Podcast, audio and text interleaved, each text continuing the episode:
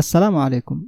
نقرأ لكم من كتاب النظرات مجموعة من الفصول ويمكنك الانتقال إلى الفصل المطلوب عن طريق الضغط عليه من داخل مربع الوصف. بسم الله نبدأ. الغد. عرفت أني فكرت ليلة أمس فيما أكتب اليوم وعرفت أني آخذ الساعة بقلمي بين أناملي وأن بين يدي صحيفة بيضاء. تسود قليلا قليلا. كلما أجريت القلم فيها ولكني لا أعلم هل يبلغ القلم مداه أو يكبو دون غايته وهل أستطيع أن أتمم رسالتي هذه أو يعترض عارض من عوارض الدهر في سبيلها؟ لأني لا أعرف من شؤون الغد شيئا ولأن المستقبل بيد الله. عرفت أني لبست أثوابي في الصباح وأنها لا تزال فوق جسمي حتى الآن ولكني لا أعلم هل أخلعها بيدي أو تخلعها يد الغاسل. الغد شبح مبهم يتراءى للناظر من مكان بعيد فربما كان ملكا رحيما وربما كان شيطانا رجيما بل ربما كان سحابة سوداء. إذا هبت عليها ريح باردة حللت أجزاءها وفرقت ذراتها فأصبحت كأنما هي عدم من الأعدام التي لم يسبقها وجود. الغد بحر خضم زاخر يعب عبابه وتستخب أمواجه. فما يدريك إن كان يحمل في جوفه الدر والجوهر أو الموت الأحمر. لقد غمض الغد عن العقول ودق شخصه عن الأنظار حتى لو أن إنسانا رفع قدمه ليضعها في خروجه من باب قصره لا يدري أيضعها على عتبة القصر أم على حافة القبر. الغد صدر مملوء بالأسرار الغزار الغد صدر مملوء بالأسرار الغزار تحوم حوله البصائر. وتتسقطه العقول وتستدرجه الأنظار. فلا يبوح بسر من أسراره إلا إذا جادت الصخرة بالماء الزلال. كأني بالغد وهو كامن في مكمنه رابض في مجثمه متلفع بفضل إزاره. ينظر إلى آمالنا وأمانينا نظرات الهزء والسخرية ويبتسم ابتسامات الاستخفاف والازدراء. يقول في نفسه لو علم هذا الجامع أنه يجمع للوارث وهذا الباني أنه يبني للخراب وهذا الوالد أنه يلد للموت ما جمع الجامع ولا بني الباني ولا ولد الوالد. ذلل الإنسان كل عقبه في هذا العالم فاتخذ نفقا في الأرض وصعد بسلم إلى السماء. وعقد ما بين المشرق والمغرب بأسباب من حديد وخيوط من نحاس وانتقل بعقله إلى العالم العلوي فعاش في كواكبه وعرف أغوارها وأنجادها وسهولها وبطاحها وعامرها وغامرها ورطبها ويابسها.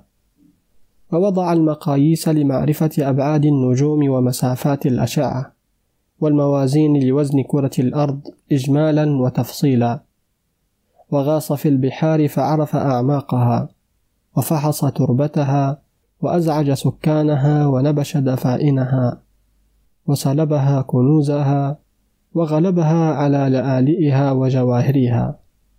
ونفذ من بين الأحجار والآكام إلى القرون الخالية.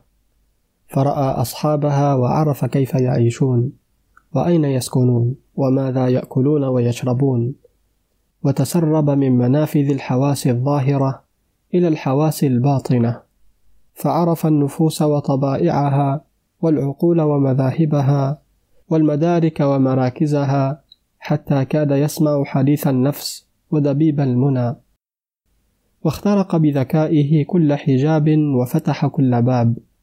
ولكنه سقط أمام باب الغد عاجزا مقهورا لا يجرؤ على فتحه فلا يجسر على قرعه لأنه باب الله والله لا يطلع على غيبه أحدا. أيها الشبح الملثم بلثام الغيب هل لك أن ترفع عن وجهك هذا اللثام قليلا لنرى صفحة واحدة من صفحات وجهك المقنع أو لا؟ فاقترب منا قليلا علنا نستطيع أن نستشفي صورتك من وراء هذا اللثام المسبل دوننا فقد طارت قلوبنا شوقا إليك وذابت أكبادنا وجدا عليك. أيها الغد إن لنا آمالا كبارا وصغارا وأماني حسانا وغير حسان. فحدثنا عن آمالنا. أين مكانها منك؟ وخبرنا عن أمانينا ماذا صنعت بها. أذللتها واحتقرتها أم كنت لها من المكرمين؟ لا صن سرك في صدرك وأبقي لثامك على وجهك. ولا تحدثنا حديثا واحدا عن آمالنا وأمانينا حتى لا تفجعنا فيها فتفجعنا في أرواحنا ونفوسنا. فإنما نحن أحياء بالآمال وإن كانت باطلة. وسعداء بالأماني وإن كانت كاذبة. وليست حياة المرء إلا أمانيا إذا هي ضاعت فالحياة على الأثر. عزيزي متابع قناة كتب وروايات عبد الباري الطشاني. الآن يمكنك دعمنا للاستمرار في تقديم المزيد ولتحسين جودة المحتوى سواء على بيبال أو يمكنك الاشتراك معنا على منصة باتريون التي نشارك فيها معك محتوى حصريا. كما لا تنسى متابعتنا على منصات التواصل الاجتماعي. وللاستماع للكتب مباشرة تابع البودكاست الخاص بنا. ستجد كل الروابط بالوصف بالأسفل. الكأس الأولى كان لي صديق أحبه وأحب منه سلامة قلبه وصفاء سريرته وصدقه ووفاءه في حالي بعده وقربه وغضبه وحلمه وسخطه ورضاه. ففرق الدهر بيني وبينه فراق حياة لا فراق ممات. فأنا اليوم أبكيه حيا أكثر مما كنت أبكيه لو كان ميتا. بل أنا لا أبكي إلا حياته. ولا أتمنى إلا مماته. فهل سمعت بأعجب من هذه الخلة الغريبة في طبائع النفوس؟ علقت حبالي بحباله حقبة من الزمان عرفته فيها وعرفني ثم سلك سبيلا غير سبيله فأنكرته وأنكرني حتى ما أمر بباله. لأن الكأس التي علق بها لم تدع في قلبه فراغا يسع غيرها وغير العالقين بها. وربما كان يدفعني عن مخيلته دفعا إذا تراءيت فيها لأني إذا ذكرني ذكر معي تلك الكلمات المرة التي كنت ألقاه بها في فاتحة حياته الجديدة. وما كان له وهو يهيم في فضاء سعادته التي يتخيلها أن يكدر عن نفسه بمثل هذه الذكرى صفاء هذا الخيال. ثم لم أعد أعلم من أمره بعد ذلك شيئا جديدا لأن حياة المدمنين حياة متشابهة متماثلة. لا فرق بين صبحها ومسائها وأمسها وغدها.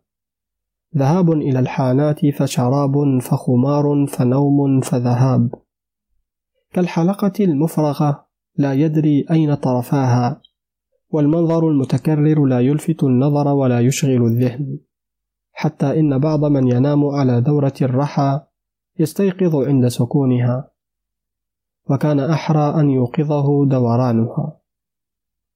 لذلك لم يشغل هذا المسكين محلا من قلبي إلا بعد أن سكنت دورته وهدأت حركته فلم أعد أراه معربدا في الحانات ولا مطرحا في مدارج الطرق. ولا معتقلا في أيدي الشرط. هنالك سألت عنه فقيل لي إنه مريض.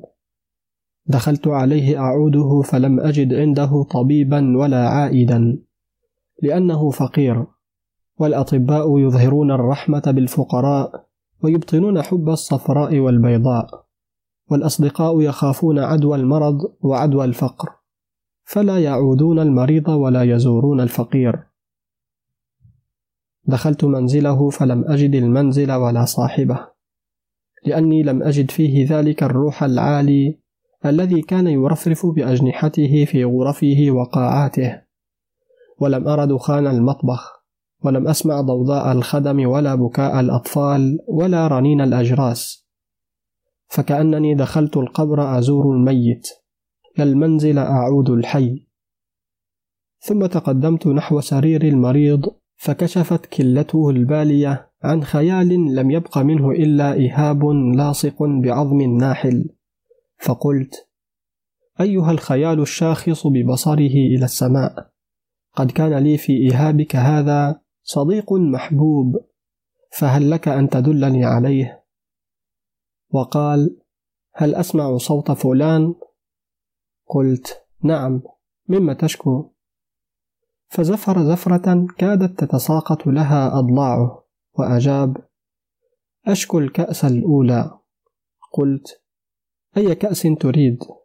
قال أريد الكأس التي أودعتها مالي وعقلي وصحتي وشرفي وها أنا ذا اليوم أودعها حياتي. قلت قد كنت نصحتك ووعظتك وأنذرتك بهذا المصير الذي صرت إليه اليوم. فما أجديت عليك شيئا؟ قال ما كنت تعلم حين نصحتني من غوائل هذا العيش النكد أكثر مما كنت أعلم ولكنني كنت شربت الكأس الأولى فخرج الأمر من يدي. كل كأس شربتها جنتها علي الكأس الأولى. أما هي فلم يجنها علي غير ضعفي وقصور عقلي عن إدراك خداع الأصدقاء والخلطاء. لم تكن شهوة الشراب مركبة في الإنسان كبقية الشهوات فيعذر في الانقياد إليها كما يعذر في الانقياد إلى غيرها من الشهوات الغريزية. فلا سلطان لها عليه إلا بعد أن يتناول الكأس الأولى. فلم يتناولها؟ يتناولها لأن الخونة الكاذبين من خلانه وعشرائه خدعوه عن نفسه في أمرها.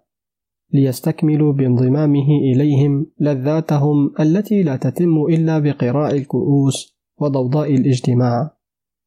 ولو علمت كيف خدعوه وزينوا له الخروج عن طبعه ومألوفه وأي ذريعة تذرعوا بها إلى ذلك لتحققت أنه أبله إلى النهاية من البلاهة وضعيف إلى الغاية التي ليس وراءها غاية.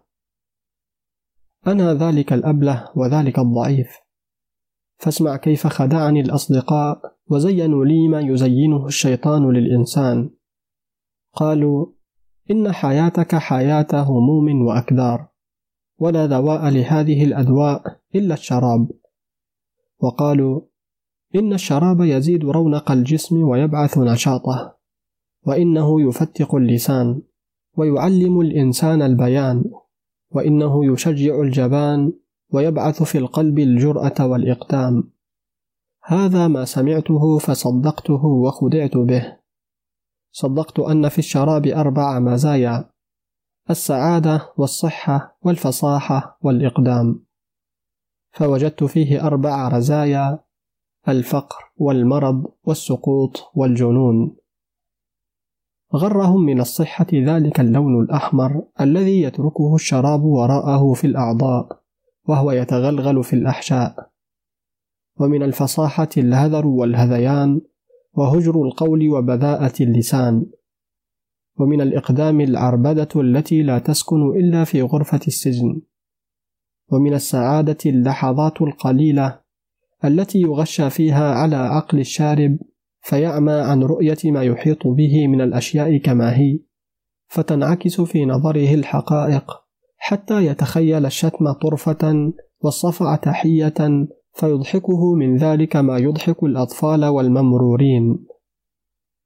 أي سرور لمن يعيش في منزل لا يزور الابتسام ثغرا من ثغور ساكنيه. أي سرور لمن يودعه أهله كل يوم في صباحه بالحسرات ويستقبلونه في مسائه بالزفرات. أي سعادة لمن يمشي دائما في طريقه متلويا متمعجا يتسرب في المنعطفات والأزقة ويعوذ بألواذ الأسوار فرارا من نظرات الجزار وتهكمات العطار وصرخات الخمار. ولقد كنت أرى هؤلاء الأشقياء في فاتحة حياتي التعسة فكان يمر بخاطري ما يمر بخاطر أمثالي أنهم قتل الإدمان لا قتل الشراب. وكنت أقدر لنفسي القصد فيه. إن قدر لي في أمره شيء حتى لا أبلغ مبلغهم ولا أنزل منزلتهم. فلما شربت أخطأ العد وضاع الحساب وفسد التدبير واختلف التقدير. وغلبت على أمري كما يغلب على أمره كل مخدوع بمثل ما خدعت به. ولولا الكأس الأولى ما هلكت ولا شكوت الذي شكوت ولولاها ما عافني الأصدقاء ولا زهد في الأقرباء. فكن أنت وحدك صديق السراء والضراء. فعاهدته على ذلك ثم تركته في حالة تصم السميع وتعمي البصير ويسأل من مثلها العافية. الدفين الصغير الآن نفضت يدي من تراب قبرك يا بني وعدت إلى منزلي كما يعود القائد المنكسر من ساحة الحرب. لا أملك إلا دمعة لا أستطيع إرسالها وزفرة لا أستطيع تصعيدها. ذلك لأن الله الذي كتب لي في لوح مقاديره هذا الشقاء في أمرك فرزقني بك قبل أن أسأله إياك. ثم استلبك مني قبل أن أستعفيه منك. قد أراد أن يتمم قضاءه في وأن يجرعني الكأس حتى ثمالتها فحرمني حتى دمعة أرسلها أو زفرة أصاعدها حتى لا أجد في هذه ولا تلك ما أتفرج به مما أنا فيه. فله الحمد راضيا وغاضبا وله الثناء منعما وسالبا. وله مني ما يشاء من الرضا بقضائه والصبر على بلائه. رأيتك يا بني في فراشك عليلا فجزعت ثم خفت عليك الموت ففزعت. وكأنما كان يخيل إلي أن الموت والحياة شأن من شؤون الناس وعمل من الأعمال التي تملكها أيديهم. فاستشرت الطبيب في أمرك فكتب لي الدواء ووعدني بالشفاء. فجلست بجانبك أصب في فمك ذلك السائل الأصفر قطرة قطرة. والقدر ينتزع من بين جنبيك الحياة قطعة قطعة. حتى نظرت فإذا أنت في يدي جثة باردة لا حراك بها. وإذا قارورة الدواء لا تزال في يدي فعلمت أني قد ثكلتك. وأن الأمر أمر القضاء لا أمر الدواء. سأنام يا بني بعد قليل على فراش مثل فراشك وسيعالج مني المقدار ما عالج منك. وأحسب أن آخر ما سيبقى في ذاكرتي في تلك الساعة من شؤون الحياة وأطوارها وخطوبها وأحداثها هو الندم العظيم. الذي لا أزال أكابد ألمه حتى تلك الجرع المريرة التي كنت أجرعك إياها بيدي. وأنت تجود بنفسك فيربد وجهك وتختلج أعضاؤك وتدمع عيناك وما لك يد فتستطيع أن تمدها إلي لتدفعني عنك ولا لسان فتستطيع أن تشكو إلي مرارة ما تذوق. لقد كان خيرا لي ولك يا بني أن أكل إلى الله أمرك في شفائك ومرضك وحياتك وموتك وألا يكون آخر عهدك بي يوم وداعك لهذه الدنيا تلك الآلام التي كنت أجشمك إياها. فلقد أصبحت أعتقد أنني كنت عونا للقضاء عليك وأن كأس المنية التي كان يحملها لك القدر في يده لم تكن أمر مذاقا في فمك من قارورة الدواء التي كنت أحملها لك في يدي. ما أسمج وجه الحياة من بعدك يا بني وما أقبح صورة هذه الكائنات في نظري وما أشد ظلمة البيت الذي أسكنه بعد فراقك إياه. فلقد كنت تطلع في أرجائه شمسا مشرقة تضيء لي كل شيء فيه. أما اليوم فلا ترى عيني مما حولي أكثر مما ترى عينك الآن في ظلمات قبرك. بكى الباكون والباكيات عليك ما شاءوا وتفجعوا حتى إذا استنفذوا ماء شؤونهم وضعفت قواهم عن احتمال أكثر مما احتملوا لجأوا إلى مضاجعهم فسكنوا إليها. ولم يبق ساهرا في ظلمة هذا الليل وسكونه غير عينين قريحتين. عين أبيك الثاكر المسكين وعين أخرى أنت تعلمها. لقد طال علي الليل حتى مللته ولكنني لا أسأل الله أن ينفرج لي سواده عن بياض النهار لأن الفجيعة التي فجعتها بك يا بني لم تبق بين جنبي بقية أقوى بها على رؤية أثر من آثار حياتك. فليت الليل باق حتى لا أرى وجه النهار. بل ليت النهار يضيء فقد مللت هذا الظلام. دفنتك اليوم يا بني ودفنت أخاك من قبلك ودفنت من قبلكما أخويكما. فأنا في كل يوم أستقبل زائرا جديدا وأودع ضيفا راحلا. فيا لله لقلب قد لاقى فوق ما تلاقي القلوب. واحتمل فوق ما تحتمل من فوادح الخطوب. لقد افتلذ كل منكم يا بني من كبدي فلذة فأصبحت هذه الكبد الخرقاء مزقا مبعثرة في زوايا القبور ولم يبق لي منها إلا ذماء قليل لا أحسبه باقيا على الدهر ولا أحسب الدهر تاركه دون أن يذهب به كما ذهب بأخواته من قبل. لماذا ذهبتم يا بني بعدما جئتم؟ ولماذا جئتم إن كنتم تعلمون أنكم لا تقيمون؟ لولا مجيئكم ما أسفت على خلو يدي منكم لأنني ما تعودت أن تمتد عيني إلى ما ليس في يدي. ولو أنكم بقيتم بعدما جئتم ما تجرعت هذه الكأس المريرة في سبيلكم. لقد كنت أرضى من الدهر في أمركم أن يتزحزح لي عن طريقي التي أسير فيها وأن يزوي وجهه عني فلا أراه ولا يراني ولا يحسن إلي ولا يسيء ولا يتقدم إلي بخير ولا شر ولا يتراءى لي مبتسما ولا مقطبا ولا ضاحكا ولا باكيا لو أنه رضي مني بذلك.